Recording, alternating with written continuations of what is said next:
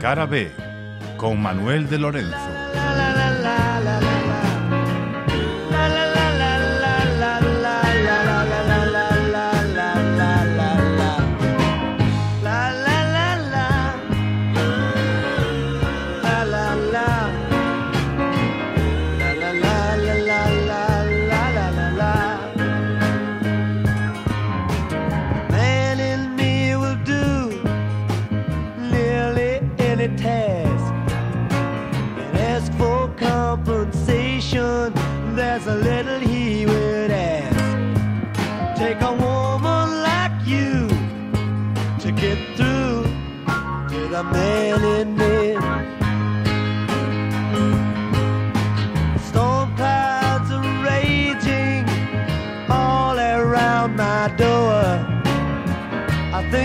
Myself I might not take it anymore. Take a woman like your kind to find the man in me. But oh, what a wonderful feeling just to know that you are near.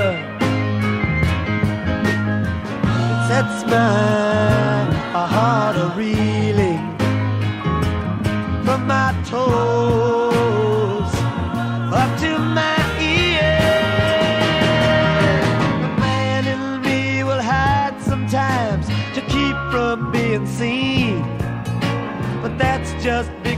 He doesn't wanna turn into some machine. Take a woman like you to get through in me.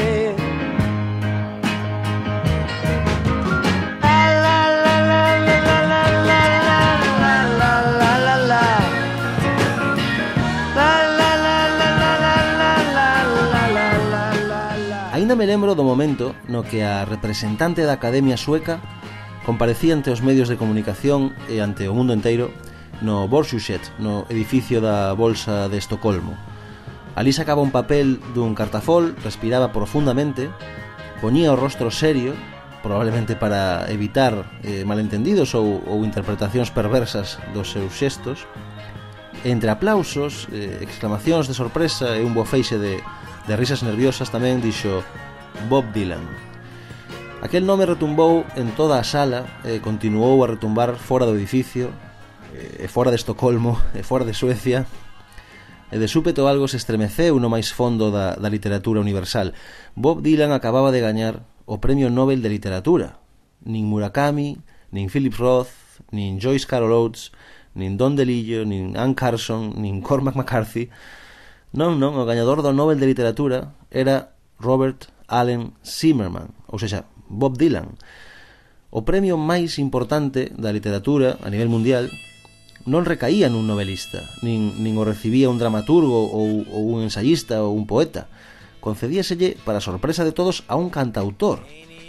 E, e segundo a Academia, o motivo de que se lle concedera ese mérito a Bob Dylan era o feito de, abro comiñas, crear novas expresións poéticas dentro da gran tradición da canción americana.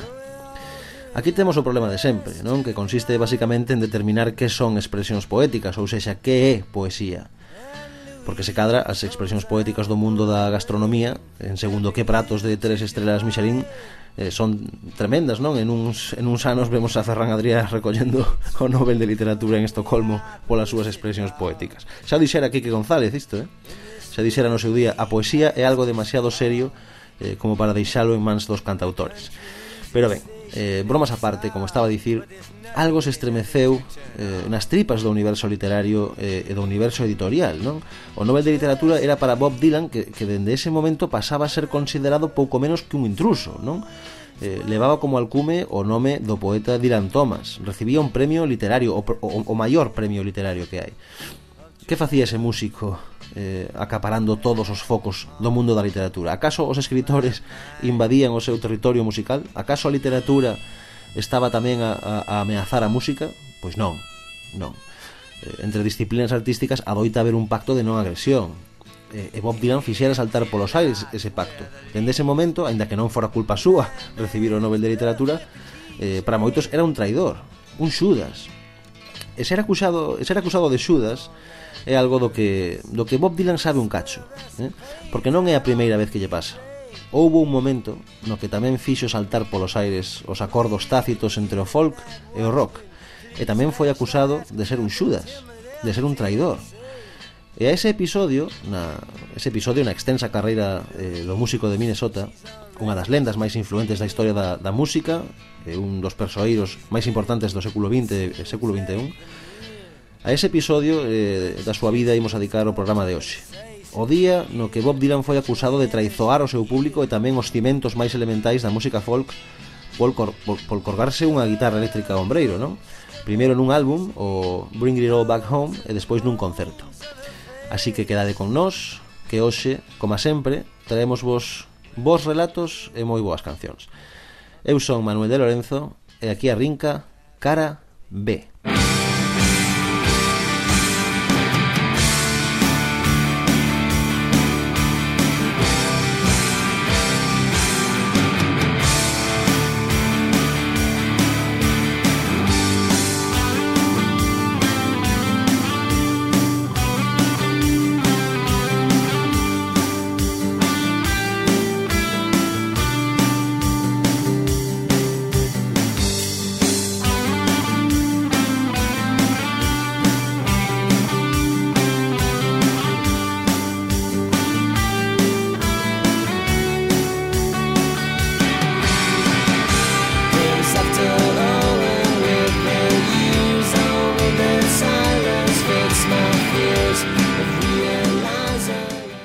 deixade que profundice un pouco no do, no do Nobel de, de Literatura, e xa despois entro en materia. Porque, veredes, a min realmente pareceme un pouco de tolos eh, darlle un premio literario dese calibre ou de calquera outro a un músico. Pero que, claro, non se trata dun músico calquera. Eh? É Bob Dylan de quen estamos a falar. Eh, personalmente, e eh, eh, eh, así o teño escrito en algunha ocasión para algún xornal, eu penso eh, que calquera poema, por intelixente eh, e fermoso que sexa, perde toda a súa armonía e eh, o seu acerto no momento en que se llenga de música, non? Os poemas son poemas e a música é música. Se no momento no que eu que sei, Coitisolo escribiu eh, Palabras para Julia ou Pablo Neruda o seu eh, poema número 20, se nese momento no que se compuxo algúns dos, dos mellores poemas da historia os seus autores decidisen acompañalos ou, ou de algún modo completalos eh, cunha melodía, e unha armonía, e unha instrumentación, pois que credes que vos diga? Para min eses poemas deixarían nese instante de ser de ser poemas, deixarían de ser literatura para ser unha canción, eh? eh, e que por iso temos unha eh, por unha banda a literatura e por outra banda a música, non? Pareceme moi evidente, son cousas distintas, non hai discusión. Pero é que no caso de Bob Dylan de algún xeito as súas letras trascenden o musical, non? Isto pode parecer unha contradicción co, co que acabo de dicir, eh, pero pode que sexa a excepción que confirma a regra tamén. Bob Dylan é o tipo que esculpiu a linguaxe eh, e tallou versos inesquecibles como aquel de Chimes of Freedom que nos sumersía dentro dos portais entre a posta do sol e a peaxe da medianoite, non? Se cadra é certo que a poesía só pode existir nos libros e, e, e cando os grandes versos aparecen en cancións son soamente cancións. O propio Dylan, cando, cando soubo que acababa de ser galardoado co Premio Nobel de Literatura, dixo se iso é así, Tamén deberían darlle a Juan Gabriel, aínda que o merece máis Leonard Cohen. Iso dixo. Pero eu teño a impresión de que cando as cancións alcanzan unha cota semellante de talento, de talento literario, de talento no que se refire ás súas letras, o mellor esas cancións si sí merecen un recoñecemento a nivel global por parte do universo literario, non? Por moito que iso converta automáticamente a Bob Dylan e tamén a Leonard Cohen e tamén que se lleu a, a Nick Cave eh, en intrusos. Far between sundown's finish and midnight's broken toll We ducked inside the doorways, thunder went crashing As majestic bells of bolts struck shadows in the sounds seeming to be the chimes of freedom flashing. Flashing for the warriors whose strength is not to fight. Flashing for the refugees on the unarmed road of flight. and for each and every underdog soldier in the night. And we gazed upon the chimes of freedom flashing. Through the city's melted furnace, unexpectedly we watched with faces hidden as the walls were tightening. As the echo of the wedding bells before the blowing rain dissolved into the bells of the lightning. Tolling for the rebel. Tolling for the rake, tolling for the luckless, they are abandoned and forsaken, tolling for the outcast, burning constantly at stake. And we gazed upon the chimes of freedom flashing through the mad, mystic hammering of the wild, ripping hail. The sky cracked its palms in naked wonder. As the clinging of the church bells blew far into the breeze, leaving only bells of lightning and its thunder.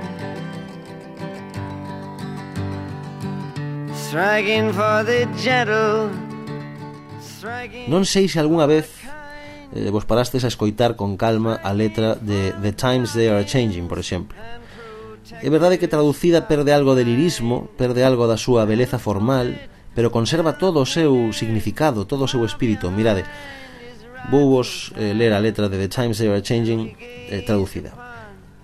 Reunidevos ao redor de min, xente, por onde queira que vaguedes, e admitide que as augas ao vosso redor creceron, e aceptade que pronto estaredes mollados ata os osos.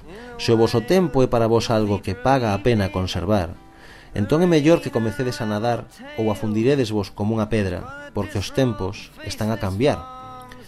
Vide, escritores e críticos que profetizades coas vosas plumas, mantede os ollos abertos. A oportunidade non vai volver. E non faledes demasiado pronto, porque a ruleta aínda está a virar, e ninguén pode dicir quen é o designado, porque o que agora é perdedor será o que gañe despois, xa que os tempos están a cambiar. Vide, senadores e congresistas, por favor, escoitade a chamada, non quededes na porta, non bloqueedes o vestíbulo, porque o que se manque será o que quede estancado. Fora hai unha batalla furiosa Pronto sacudirá as vosas xanelas e asitará as vosas paredes, porque os tempos están a cambiar. Vide nais e pais por toda a terra, e non critiquedes o que non podedes entender. Os vosos fillos e as vosas fillas atópanse máis aló do voso control. O voso antigo camiño está a embellecer rapidamente. Por favor, saíde do novo se non podedes axudar porque os tempos están a cambiar. A liña está debuxada, a maldición está lanzada. O que agora é lento, máis tarde será rápido. Como presente agora, máis tarde será pasado. A orde estáse a esvaecer rapidamente. E o primeiro agora será o último, porque os tempos están a cambiar. Esta canción non é de agora, por suposto, aínda que pareza mentira, eh? non se refire ao noso presente. Foi publicada no ano 1963. E sí, tal vez había nos seus versos algo de profético, eh? Tal vez as augas do noso redor creceron e esteamos mollados xa ata os osos. Tal vez a ruleta estivese virando ata hoxe. Tal vez eh, falásemos demasiado pronto. O que antes era o perdedor, tal vez agora gañou. Tal vez, de feito, os tempos xa cambiasen Tanto é así que un cantautor gañou o Nobel de Literatura. E non me extraña. Come gather round people wherever you roam and admit that the waters around you have grown and accept it that soon you'll be drenched to the bone. If your time to you is worth saving, then you better start swimming or you'll sink like a stone. For the times they are a changing.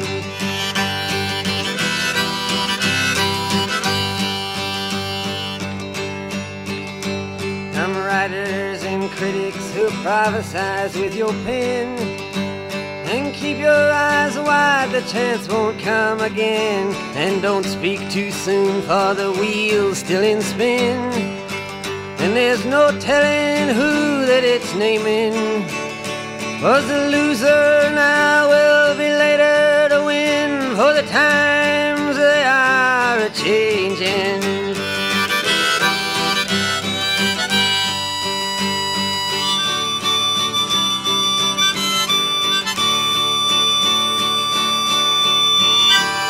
Senators, congressmen, please heed the call. Don't stand in the doorway, don't block up the hall. For he that gets hurt will be he who has stalled. The battle outside raging will soon shake your windows and rattle your walls. For the times they are a changing.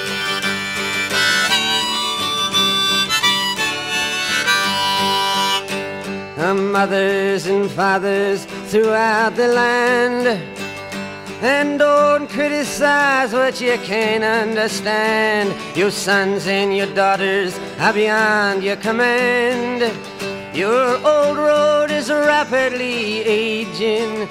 Please get out of the new one if you can't lend your hand. For the times they are a changing.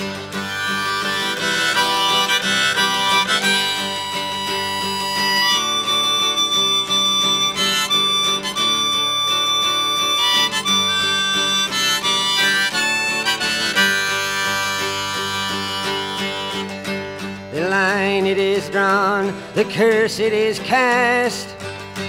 The slow one now will later be fast, as the present now will later be past. The order is rapidly fading, and the first one now will later be last. For the times they are a changing.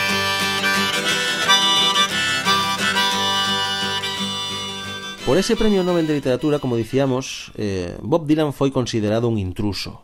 Ese premio Nobel foi para algúns unha traizón de Dylan, non? E moitos cargaron as tintas contra el. Pero, pero xa vos dixen que, que a anécdota central do programa de hoxe trata sobre eh, a outra gran traizón para algúns de Bob Dylan, un tipo que, como vedes, eh, xa está afeito a que, a que o acusen de quebrantar as regras do xogo. Como doita acontecer, eh, as cousas neste caso eh, comezaron polo principio, veredes, os, os, os tres primeiros discos de Bob Dylan foron os que elevaron o músico a categoría de mito no, no mundo da, da música folk estadounidense. Era o cantautor de, máis importante do país, non? E dentro do circuito folk estaba considerado un pouco o voceiro da súa xeración, aínda que el, a él non lle gustaba nada esta etiqueta. Eses discos eran, eh, eses tres primeiros discos eran o homónimo Bob Dylan do ano 1962, The Free Willing Bob Dylan de 1963 e eh, The Times Ever Changing publicado no ano 1964 e eh, destacaban polo seu estilo minimalista case sempre formado polo son dunha guitarra acústica e unha armónica eh, as súas cancións protesta, nas que eh, o seu público atopaba unha mensaxe de desconformidade política e de desencanto social, dende o momento eh, no que Dylan debuxaba coas súas cancións alegorías do que estaba a acontecer ao seu redor en Estados Unidos, non? Incidindo moitas veces na responsabilidade dos gobernantes en, en moitas das circunstancias que conformaban esa realidade sobre a que el cantaba. Eran temas compostos eh, dende a perspectiva do povo, eh? dende a perspectiva da xente, que incluían as demandas da clase obreira, que reflectían as situacións de injustiza e de abuso eh, a que estaban sometidas as minorías, cancións como Blowing in the Wind, Masters of War, eh, A Hard Rain's Gonna Fall, falaban eh, dos temas que lle preocupaban a xente e facíano dende un punto de vista intrépido e desafiante. Eh, Bob Dylan era un cidadán máis que lles falaba aos demais cidadáns sobre asuntos como o desarmamento nuclear, as protestas contra a guerra de Vietnam, a explotación laboral, a loita polos dereitos civís, e demais facíao directamente, sen metáforas incomprensibles nin, nin, nin grandes artificios retóricos. Non Era unha linguaxe aguda, era unha linguaxe moi aguda, pero ao mesmo tempo cargada eh, dunha eh, enorme dose de lirismo mismo, non? El, el sabía facer iso, o tipo sabía escribir eh, e claro, en, en moi, moi pouco tempo con eses tres discos converteuse eh, en todo un referente da, da protesta pacífica e eh, referente ao, ao ámbito social político, claro How many roads must a man walk down Before you call him a man How many seas must the white dove sail before she sleeps in the sand? Yes, and how many times must the cannonballs fly before they're forever banned? The answer, my friend, is blowing in the wind. The answer is blowing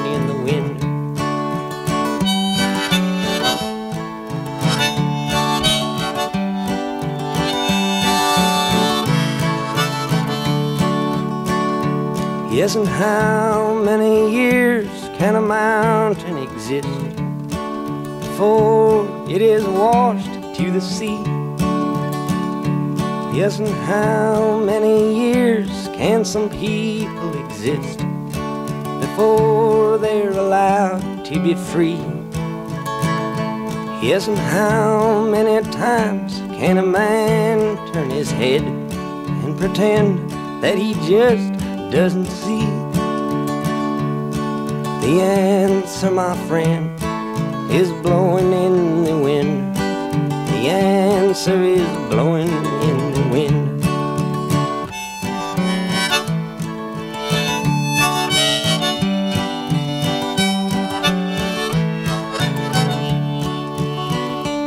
Yes, and how many times must a man look up before he can see the sky? Yes, and how many ears must one man have before he can hear people cry? Yes, and how many deaths will it take till he knows that too many people have died? The answer, my friend, is blowing in the wind. The answer is blowing in the wind.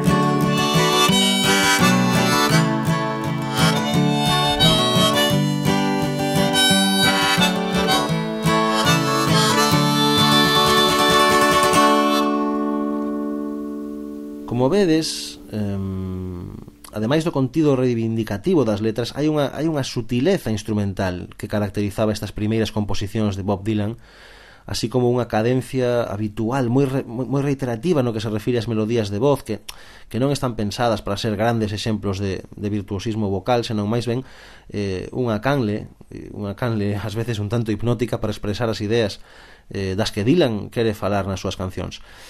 Pero claro, eh, este xeito de compoñer non, non durou para sempre non poderíamos dicir que, que é un xeito de facer cancións que se mantivo intacto pois neses tres primeiros discos de Bob Dylan pero as cousas mudaron a continuación chegou o ano 1965 eh, e o músico publicou o seu quinto disco Bring It All Back Home que se converteu co paso do tempo nunha das, das pedras angulares da obra de Dylan eh, nun dos traballos musicais máis influentes do seu tempo e de todos os tempos, se me apurades non? eh, nese disco apreciábanse dúas diferenzas moi claras con respecto aos tres primeiros álbums eh, de Dylan no que se refire ás letras xa non estaba tan clara esa intención de protestar de reivindicar os dereitos do povo e sí que se produciu certa evolución cara ao surrealismo non? cara a un tipo, unha forma de compoñer máis alegórica eh, de feito xa no seu cuarto disco eh, Another Side of Bob Dylan xa acontecía isto e algunhas das voces máis influentes do, do folk comenzaban a rexeitar este cambio de dirección nas letras de Dylan, como por exemplo eh, o editor de, de Sing Out eh, Irving Silver que dixo Dylan perdeu de algún xeito o sentimento da xente e enmarañouse na paranoia da fama non? Atribuían isto a unha especie de intención de Dylan de vender máis discos. Pero que ademais mmm, No disco Bring It All Back Home, o, o quinto disco, o cantante acompañouse por primeira vez dunha banda de apoio, non que empregaba os instrumentos propios dunha, dunha, dunha banda de rock and roll e utilizábaos verdadeiramente como, como un grupo de, de rock and roll, como, como se Dylan tratase de mesturar ese estilo eh, co seu folk inicial, non? eh, pode que se debese a, seguramente a, a influencia que, que en Bob Dylan comenzaban a ter os Beatles, como, como el mesmo recoñecera en, en, no ano 1971, pero de súpeto eh, abrazou con forza a guitarra eléctrica e eh, xa non a volvería a soltar xa máis, non? Con Bring It All Back Home apareceu no mundo o Bob Dylan electrificado e as distancias entre o folk e o rock desapareceron para sempre.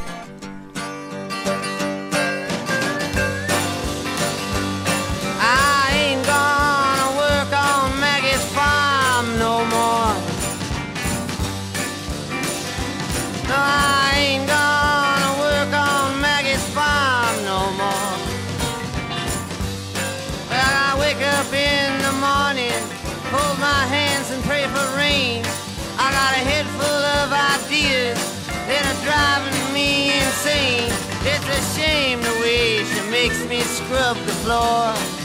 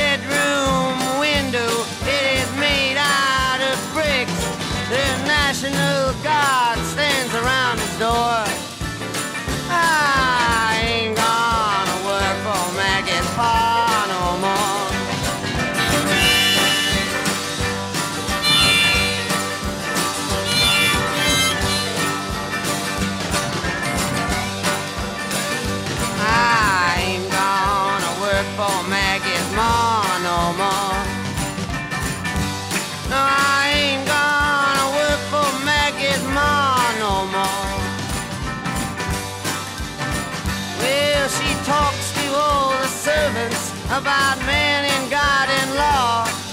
Everybody says she's the brains behind Pa. She's 68, but she says she's 54. I ain't gonna work for Maggie's ma no more.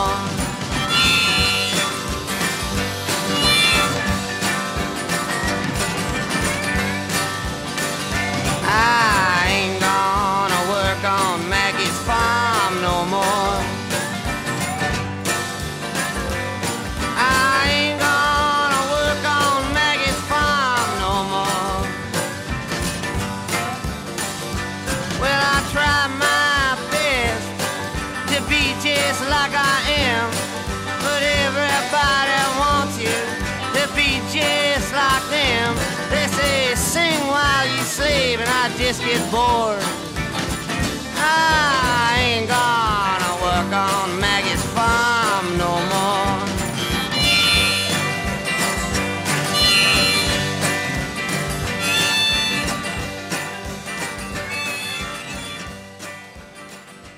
E foi aquí, foi aquí con este cambio, cando comezaron a xurdir As acusacións máis duras contra Bob Dylan por parte dos seus seguidores e por parte dos críticos do mundo do folk. Eh, el xa non era un tipo facendo canción protesta cunha guitarra acústica e unha armónica, non? Era un tipo que se aproximaba ao rock coa súa guitarra eléctrica, eh, cunha batería, cun baixo, cun teclado, e que facía demais letras alegóricas sobre os temas máis variados. Eh, houbo quen o acusou de deixarse devorar pola industria da música popular, de venderse a tendencia máis comercial. Eh, como dicíamos antes, moitos sentíronse traizoados e ata ofendidos, ofendidos por, por Bob Dylan, ofendidos polo seu ídolo, non? Por aquel cambio. Eh, consideraban que Dylan renunciara á trascendencia do folk, non? A integridade desa música de raíces, a, a, a tradición da música que eles consideraban auténticamente estadounidense. Eh, o, o rock and roll e os instrumentos eléctricos eran considerados entón como unha especie de moda pasaxeira. Eh, claro, Dylan estaba a traizoar as moitas décadas de historia da música folk, segundo eles, insisto, non eu non estou de acordo, pero e claro, foi nese contexto cando cando Dylan levou a cabo un dos concertos máis polémicos, claro, da súa carreira, que foi a súa actuación no Festival de Folk de Newport. Nese festival actuaron primeiro Cousin Emmy e os Sea Island Singers, que eran dúas formacións de folk puro, de folk tradicional, o, o máis purista, e, e despois subiron ao escenario eh, Bob Dylan e os seus, os seus músicos. Claro, en pantalóns vaqueiros, chaquetas negras de coiro, con guitarras eléctricas, defendían que era posible aproximar o folk e o rock, non? Eh, sostendo que aquilo que estaban a facer representaba unha evolución do folk en realidade, e non un camiño aparte. Pero o público quedou pampo. O público quedou pampo. Algúns aplaudían, eh, sabedores de que aquilo era o futuro realmente do folk e da música, eh, outros asubiaban e, desprezaban o que estaban a ver, eh, diran convencer a uns digamos, e afastara para sempre a outros, non? Que, que consideraron que aquela actuación era pouco menos que unha herexía. A prensa, eh, a prensa perdón, dixo que aquela noite Bob Dylan electrificara a metade da audiencia e electrocutara a outra metade. Pero, en todo isto, é importante entender eh, que Dylan non estaba a experimentar sen xeito, non estaba a probar cousas para ver que pasaba, non eran experimentos con gaseosa. El tiña moi claro o que estaba a facer De feito, o seu seguinte disco, Highway 61 Re eh, Revisited, eh, que era aínda máis eléctrico e máis próximo ao rock que, que o anterior, eh, estaba a piques de sair. Tan só quedaba un mes, non? eh, e ademais cinco días antes do concerto no Festival de Newport o 25 de xullo de 1965 publicárase o seu último single e o, que era o primeiro single do seguinte álbum a canción Like a Rolling Stone entón o camiño elixido por Dylan estaba xa máis que claro.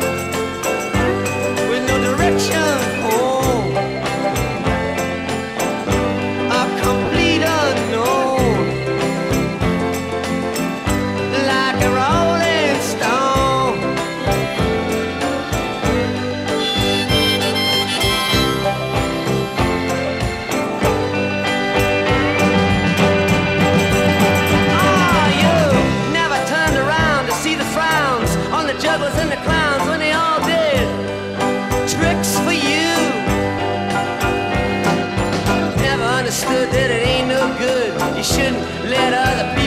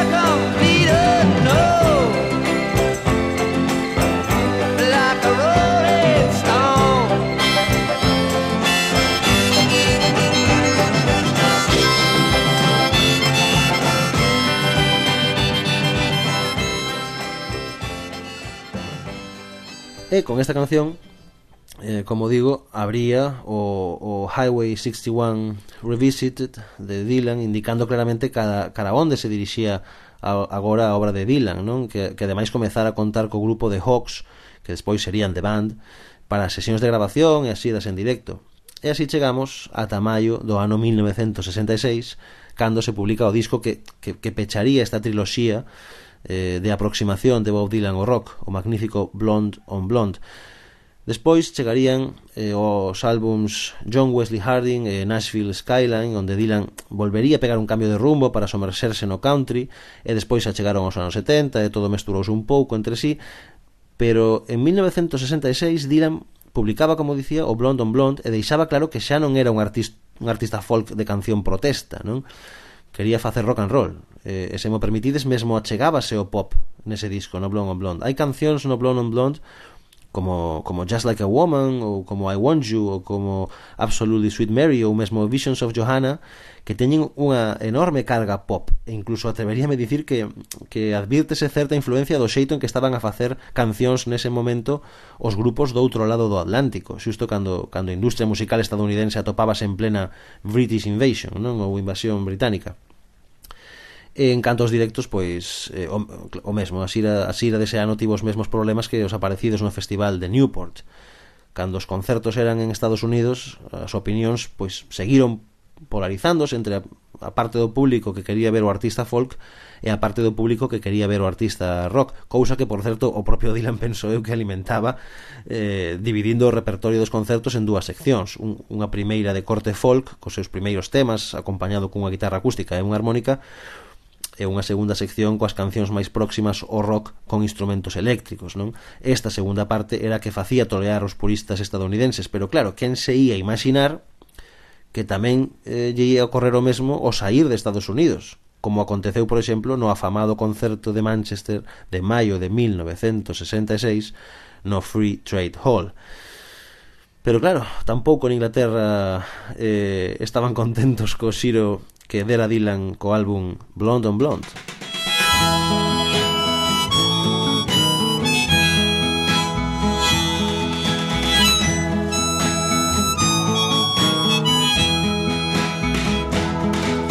Nobody feels any pain. Tonight as I stand inside the rain, everybody knows that baby's got new clothes. But lately I see her ribbons and her bows have fallen from her curls. She takes just like a woman. Yes, she does. She makes love just like a woman. Does, and she aches just like a woman. But she breaks just like a little girl.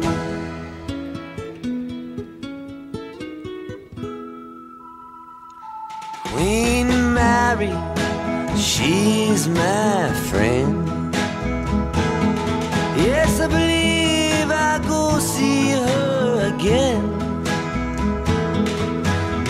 Has to guess that baby can't be blessed till she finally sees that she's like all the rest with her fog, her amphetamine, and her pearls.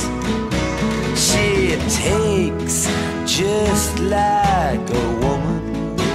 Yes, she makes love just like a woman. Yes, she does, and she aches just like a woman. But she breaks just like a little girl.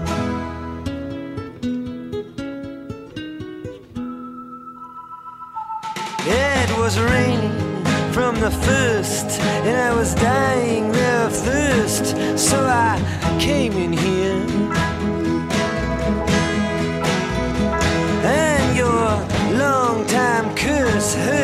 But what's worse is this pain in here. I can't stay in here. Ain't it clear that I just can't fit? Yes, I believe it's time for us to quit. But when we meet again, introduced as friends, please don't let on that you knew me when I was hungry and it was your world. Are you fake just like a woman? Yes, you do. You make love just like a woman. Yes, you do. Then you ache just like a woman. But you break just like a little girl.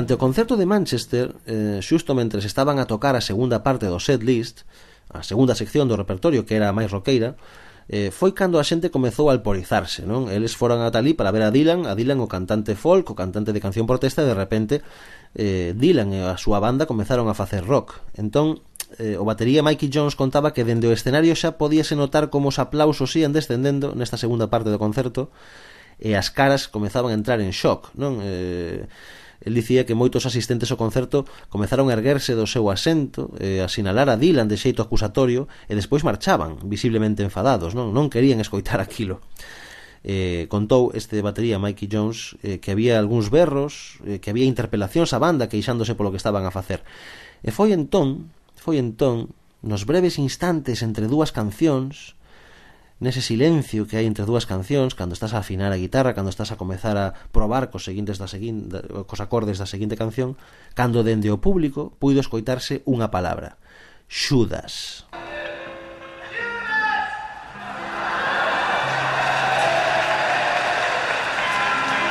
I don't believe you.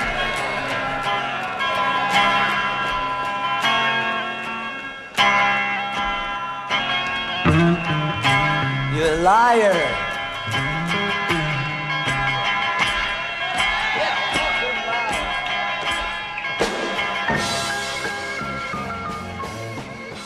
Alguén gritou Xudas. Contaba a batería que podíase notar facilmente como aquilo puxo dos nervios a Bob Dylan eh, ou seja, que se lle notaba na expresión do seu rostro o moito que lle amolaba o moito que lle amolara que, que alguén, un anónimo entre o público gritara xudas, non? Dylan achegouse entón ao micrófono e contestou I don't believe you, you're a liar, ou seja, non te creo, és un mentireiro. E acto seguido deu a orde á súa banda de, e abro comiñas, tocar fodidamente forte. E comezaron a interpretar con carraxe eh, Like a Rolling Stone, precisamente aquela primeira canción do Highway 61 Revisited, o álbum, no que Bob Dylan abandonara definitivamente o folk. Pasou o tempo eh, Dylan, Dylan eh, tivo un accidente de moto, aproveitou esa época para compoñer cancións de estilo máis country, como xa contamos. Eh, despois chegou 1970 e un disco titulado New Morning, un novo amencer, e despois unha etapa de varios anos na que Dylan non publicou ningún álbum de estudio, cousa que, que non aconteceu ata 1974 co disco Planet Waves, acompañado xa por The Band na grabación, eh, no que atopamos a un Dylan decidido por manter a senda do rock and roll e o country rock. O tempo determinou que foi unha moi boa idea por parte de Dylan, eh, que de ter continuado como artista folk e de canción protesta, pois o mellor a día de hoxe sería lembrado como unha especie de, de Joan Baez masculino, non? Eh, que estaría moi ben, ollo, pero non sería Bob Dylan, nin tería gañado o premio Nobel, claro. Aqueles anos de descanso eh, servironlle para entender cara onde quería dirixir a súa carreira e acertou, acertou plenamente, non? E ademais, durante ese tempo no que non publicou álbums de estudio entre 1970 e 1974, eh, ese tempo que aproveitou para reflexionar, puidemos desfrutar de dous recompilatorios, o que sempre está moi ben, e do disco de 1973 que escribiu por encargo para ser a banda sonora da película Pat Garrett and Billy the Kid, dirixida por Sam Peckinpah. Un disco que é unha obra maioritariamente instrumental, pero na que podemos atopar unha peza maravillosa, como é eh, Knocking on Heaven's Door, pola que se cadra eh, Bob Dylan debería ter recibido o Oscar, pero non foi así. Pero non vos preocupedes porque eh, ao final o músico gañou.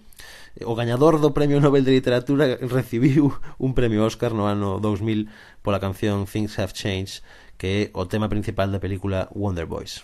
Eh? o gañador do Premio Nobel de Literatura o músico gañador do Premio Nobel de Literatura recibiu un Oscar no ano 2000 que fulano este Robert Allen Zimmerman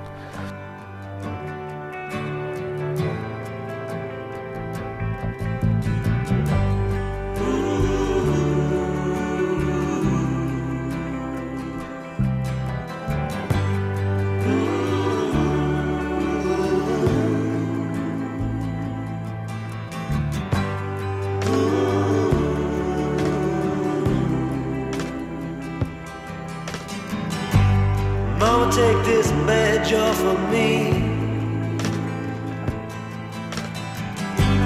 I can't use it anymore. It's getting dark, too dark to see. I feel I'm knocking on heaven's door.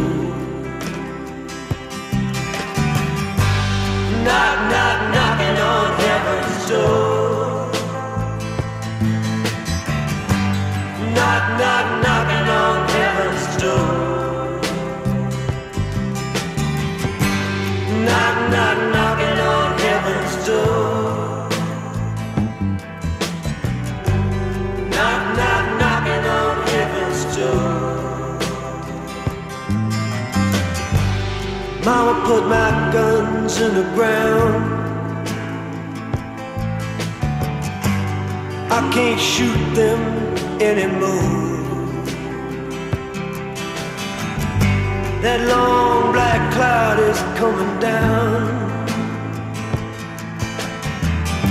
I feel I'm knocking on heaven's door.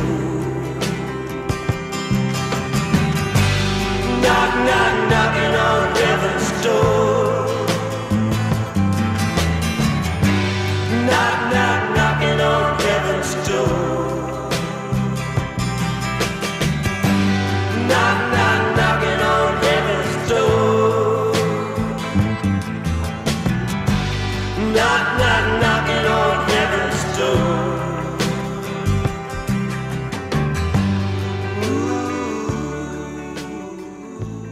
E ata aquí o noso programa de hoxe.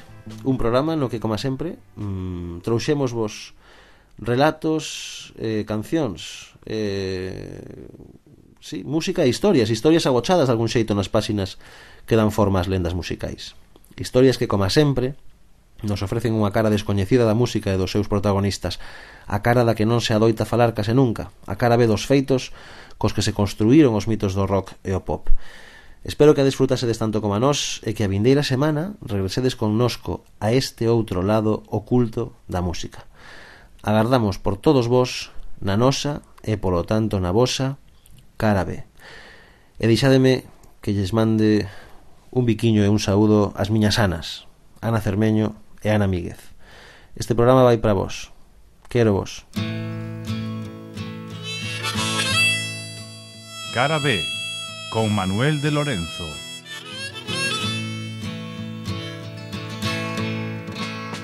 Ain't it just like the night to play tricks when you're trying to be so quiet?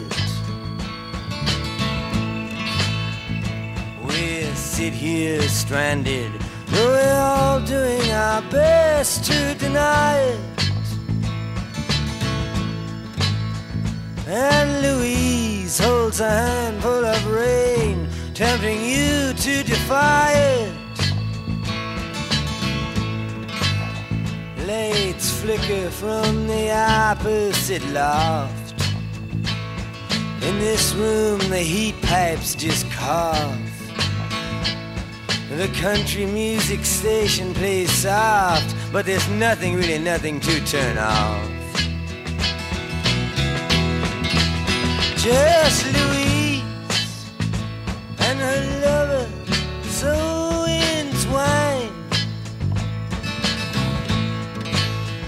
And these visions of Johanna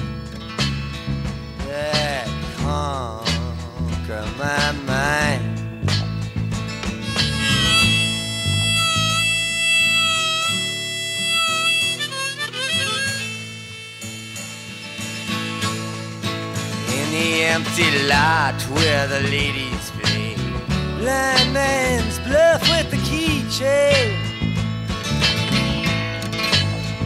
And the all-night girls They whisper of escapades out on the D-train. We can hear the night watchman click his flashlight Ask himself if it's him or them that's insane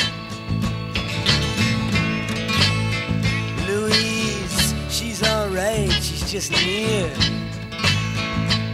She's delicate and seems like the mirror. But she just makes it all too concise and too clear that Johanna's not here. The ghost of electricity howls in the bones of her face. Visions of Johanna have not taken my place.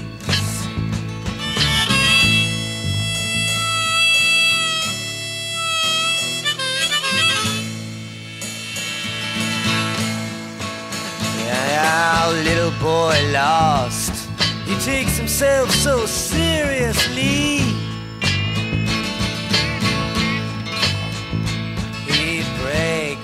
His misery. He likes to live dangerously. And when bringing her name up, he speaks of a farewell kiss to me. He sure got a lot of gall to be so useless and all.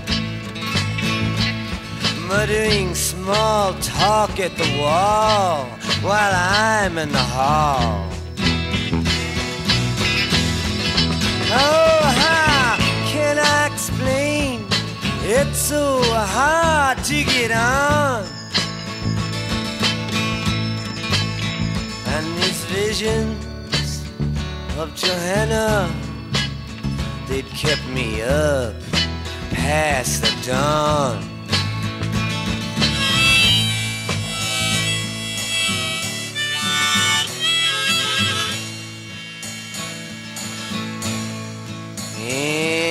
Inside the museums, infinity goes up on trial. Voices echo, this is what salvation must be like after a while. But Mona Lisa must have had the highway blues, you can tell by the way she smiles. Primitive wallflower freeze when the jelly faced women all sneeze. Hear the one with the mustache say, Geez, I can't find my knees. Oh, jewels and binoculars hang from the head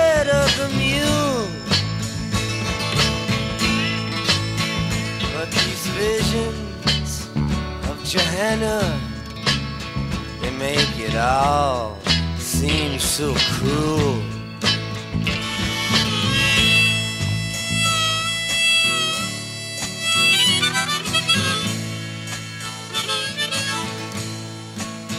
The peddler now speaks to the countess who's pretending to care for him.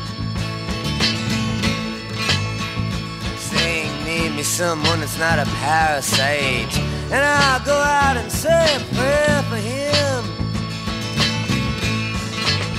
But like Louise always says, you can't look at much, can you, man? And she herself prepares for him.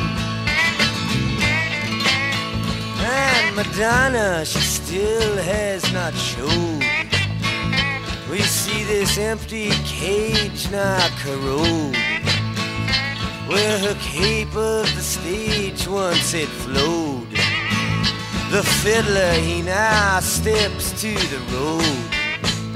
He writes everything's been returned which was old on the back of the fish truck that loads while my conscience explodes. Oh,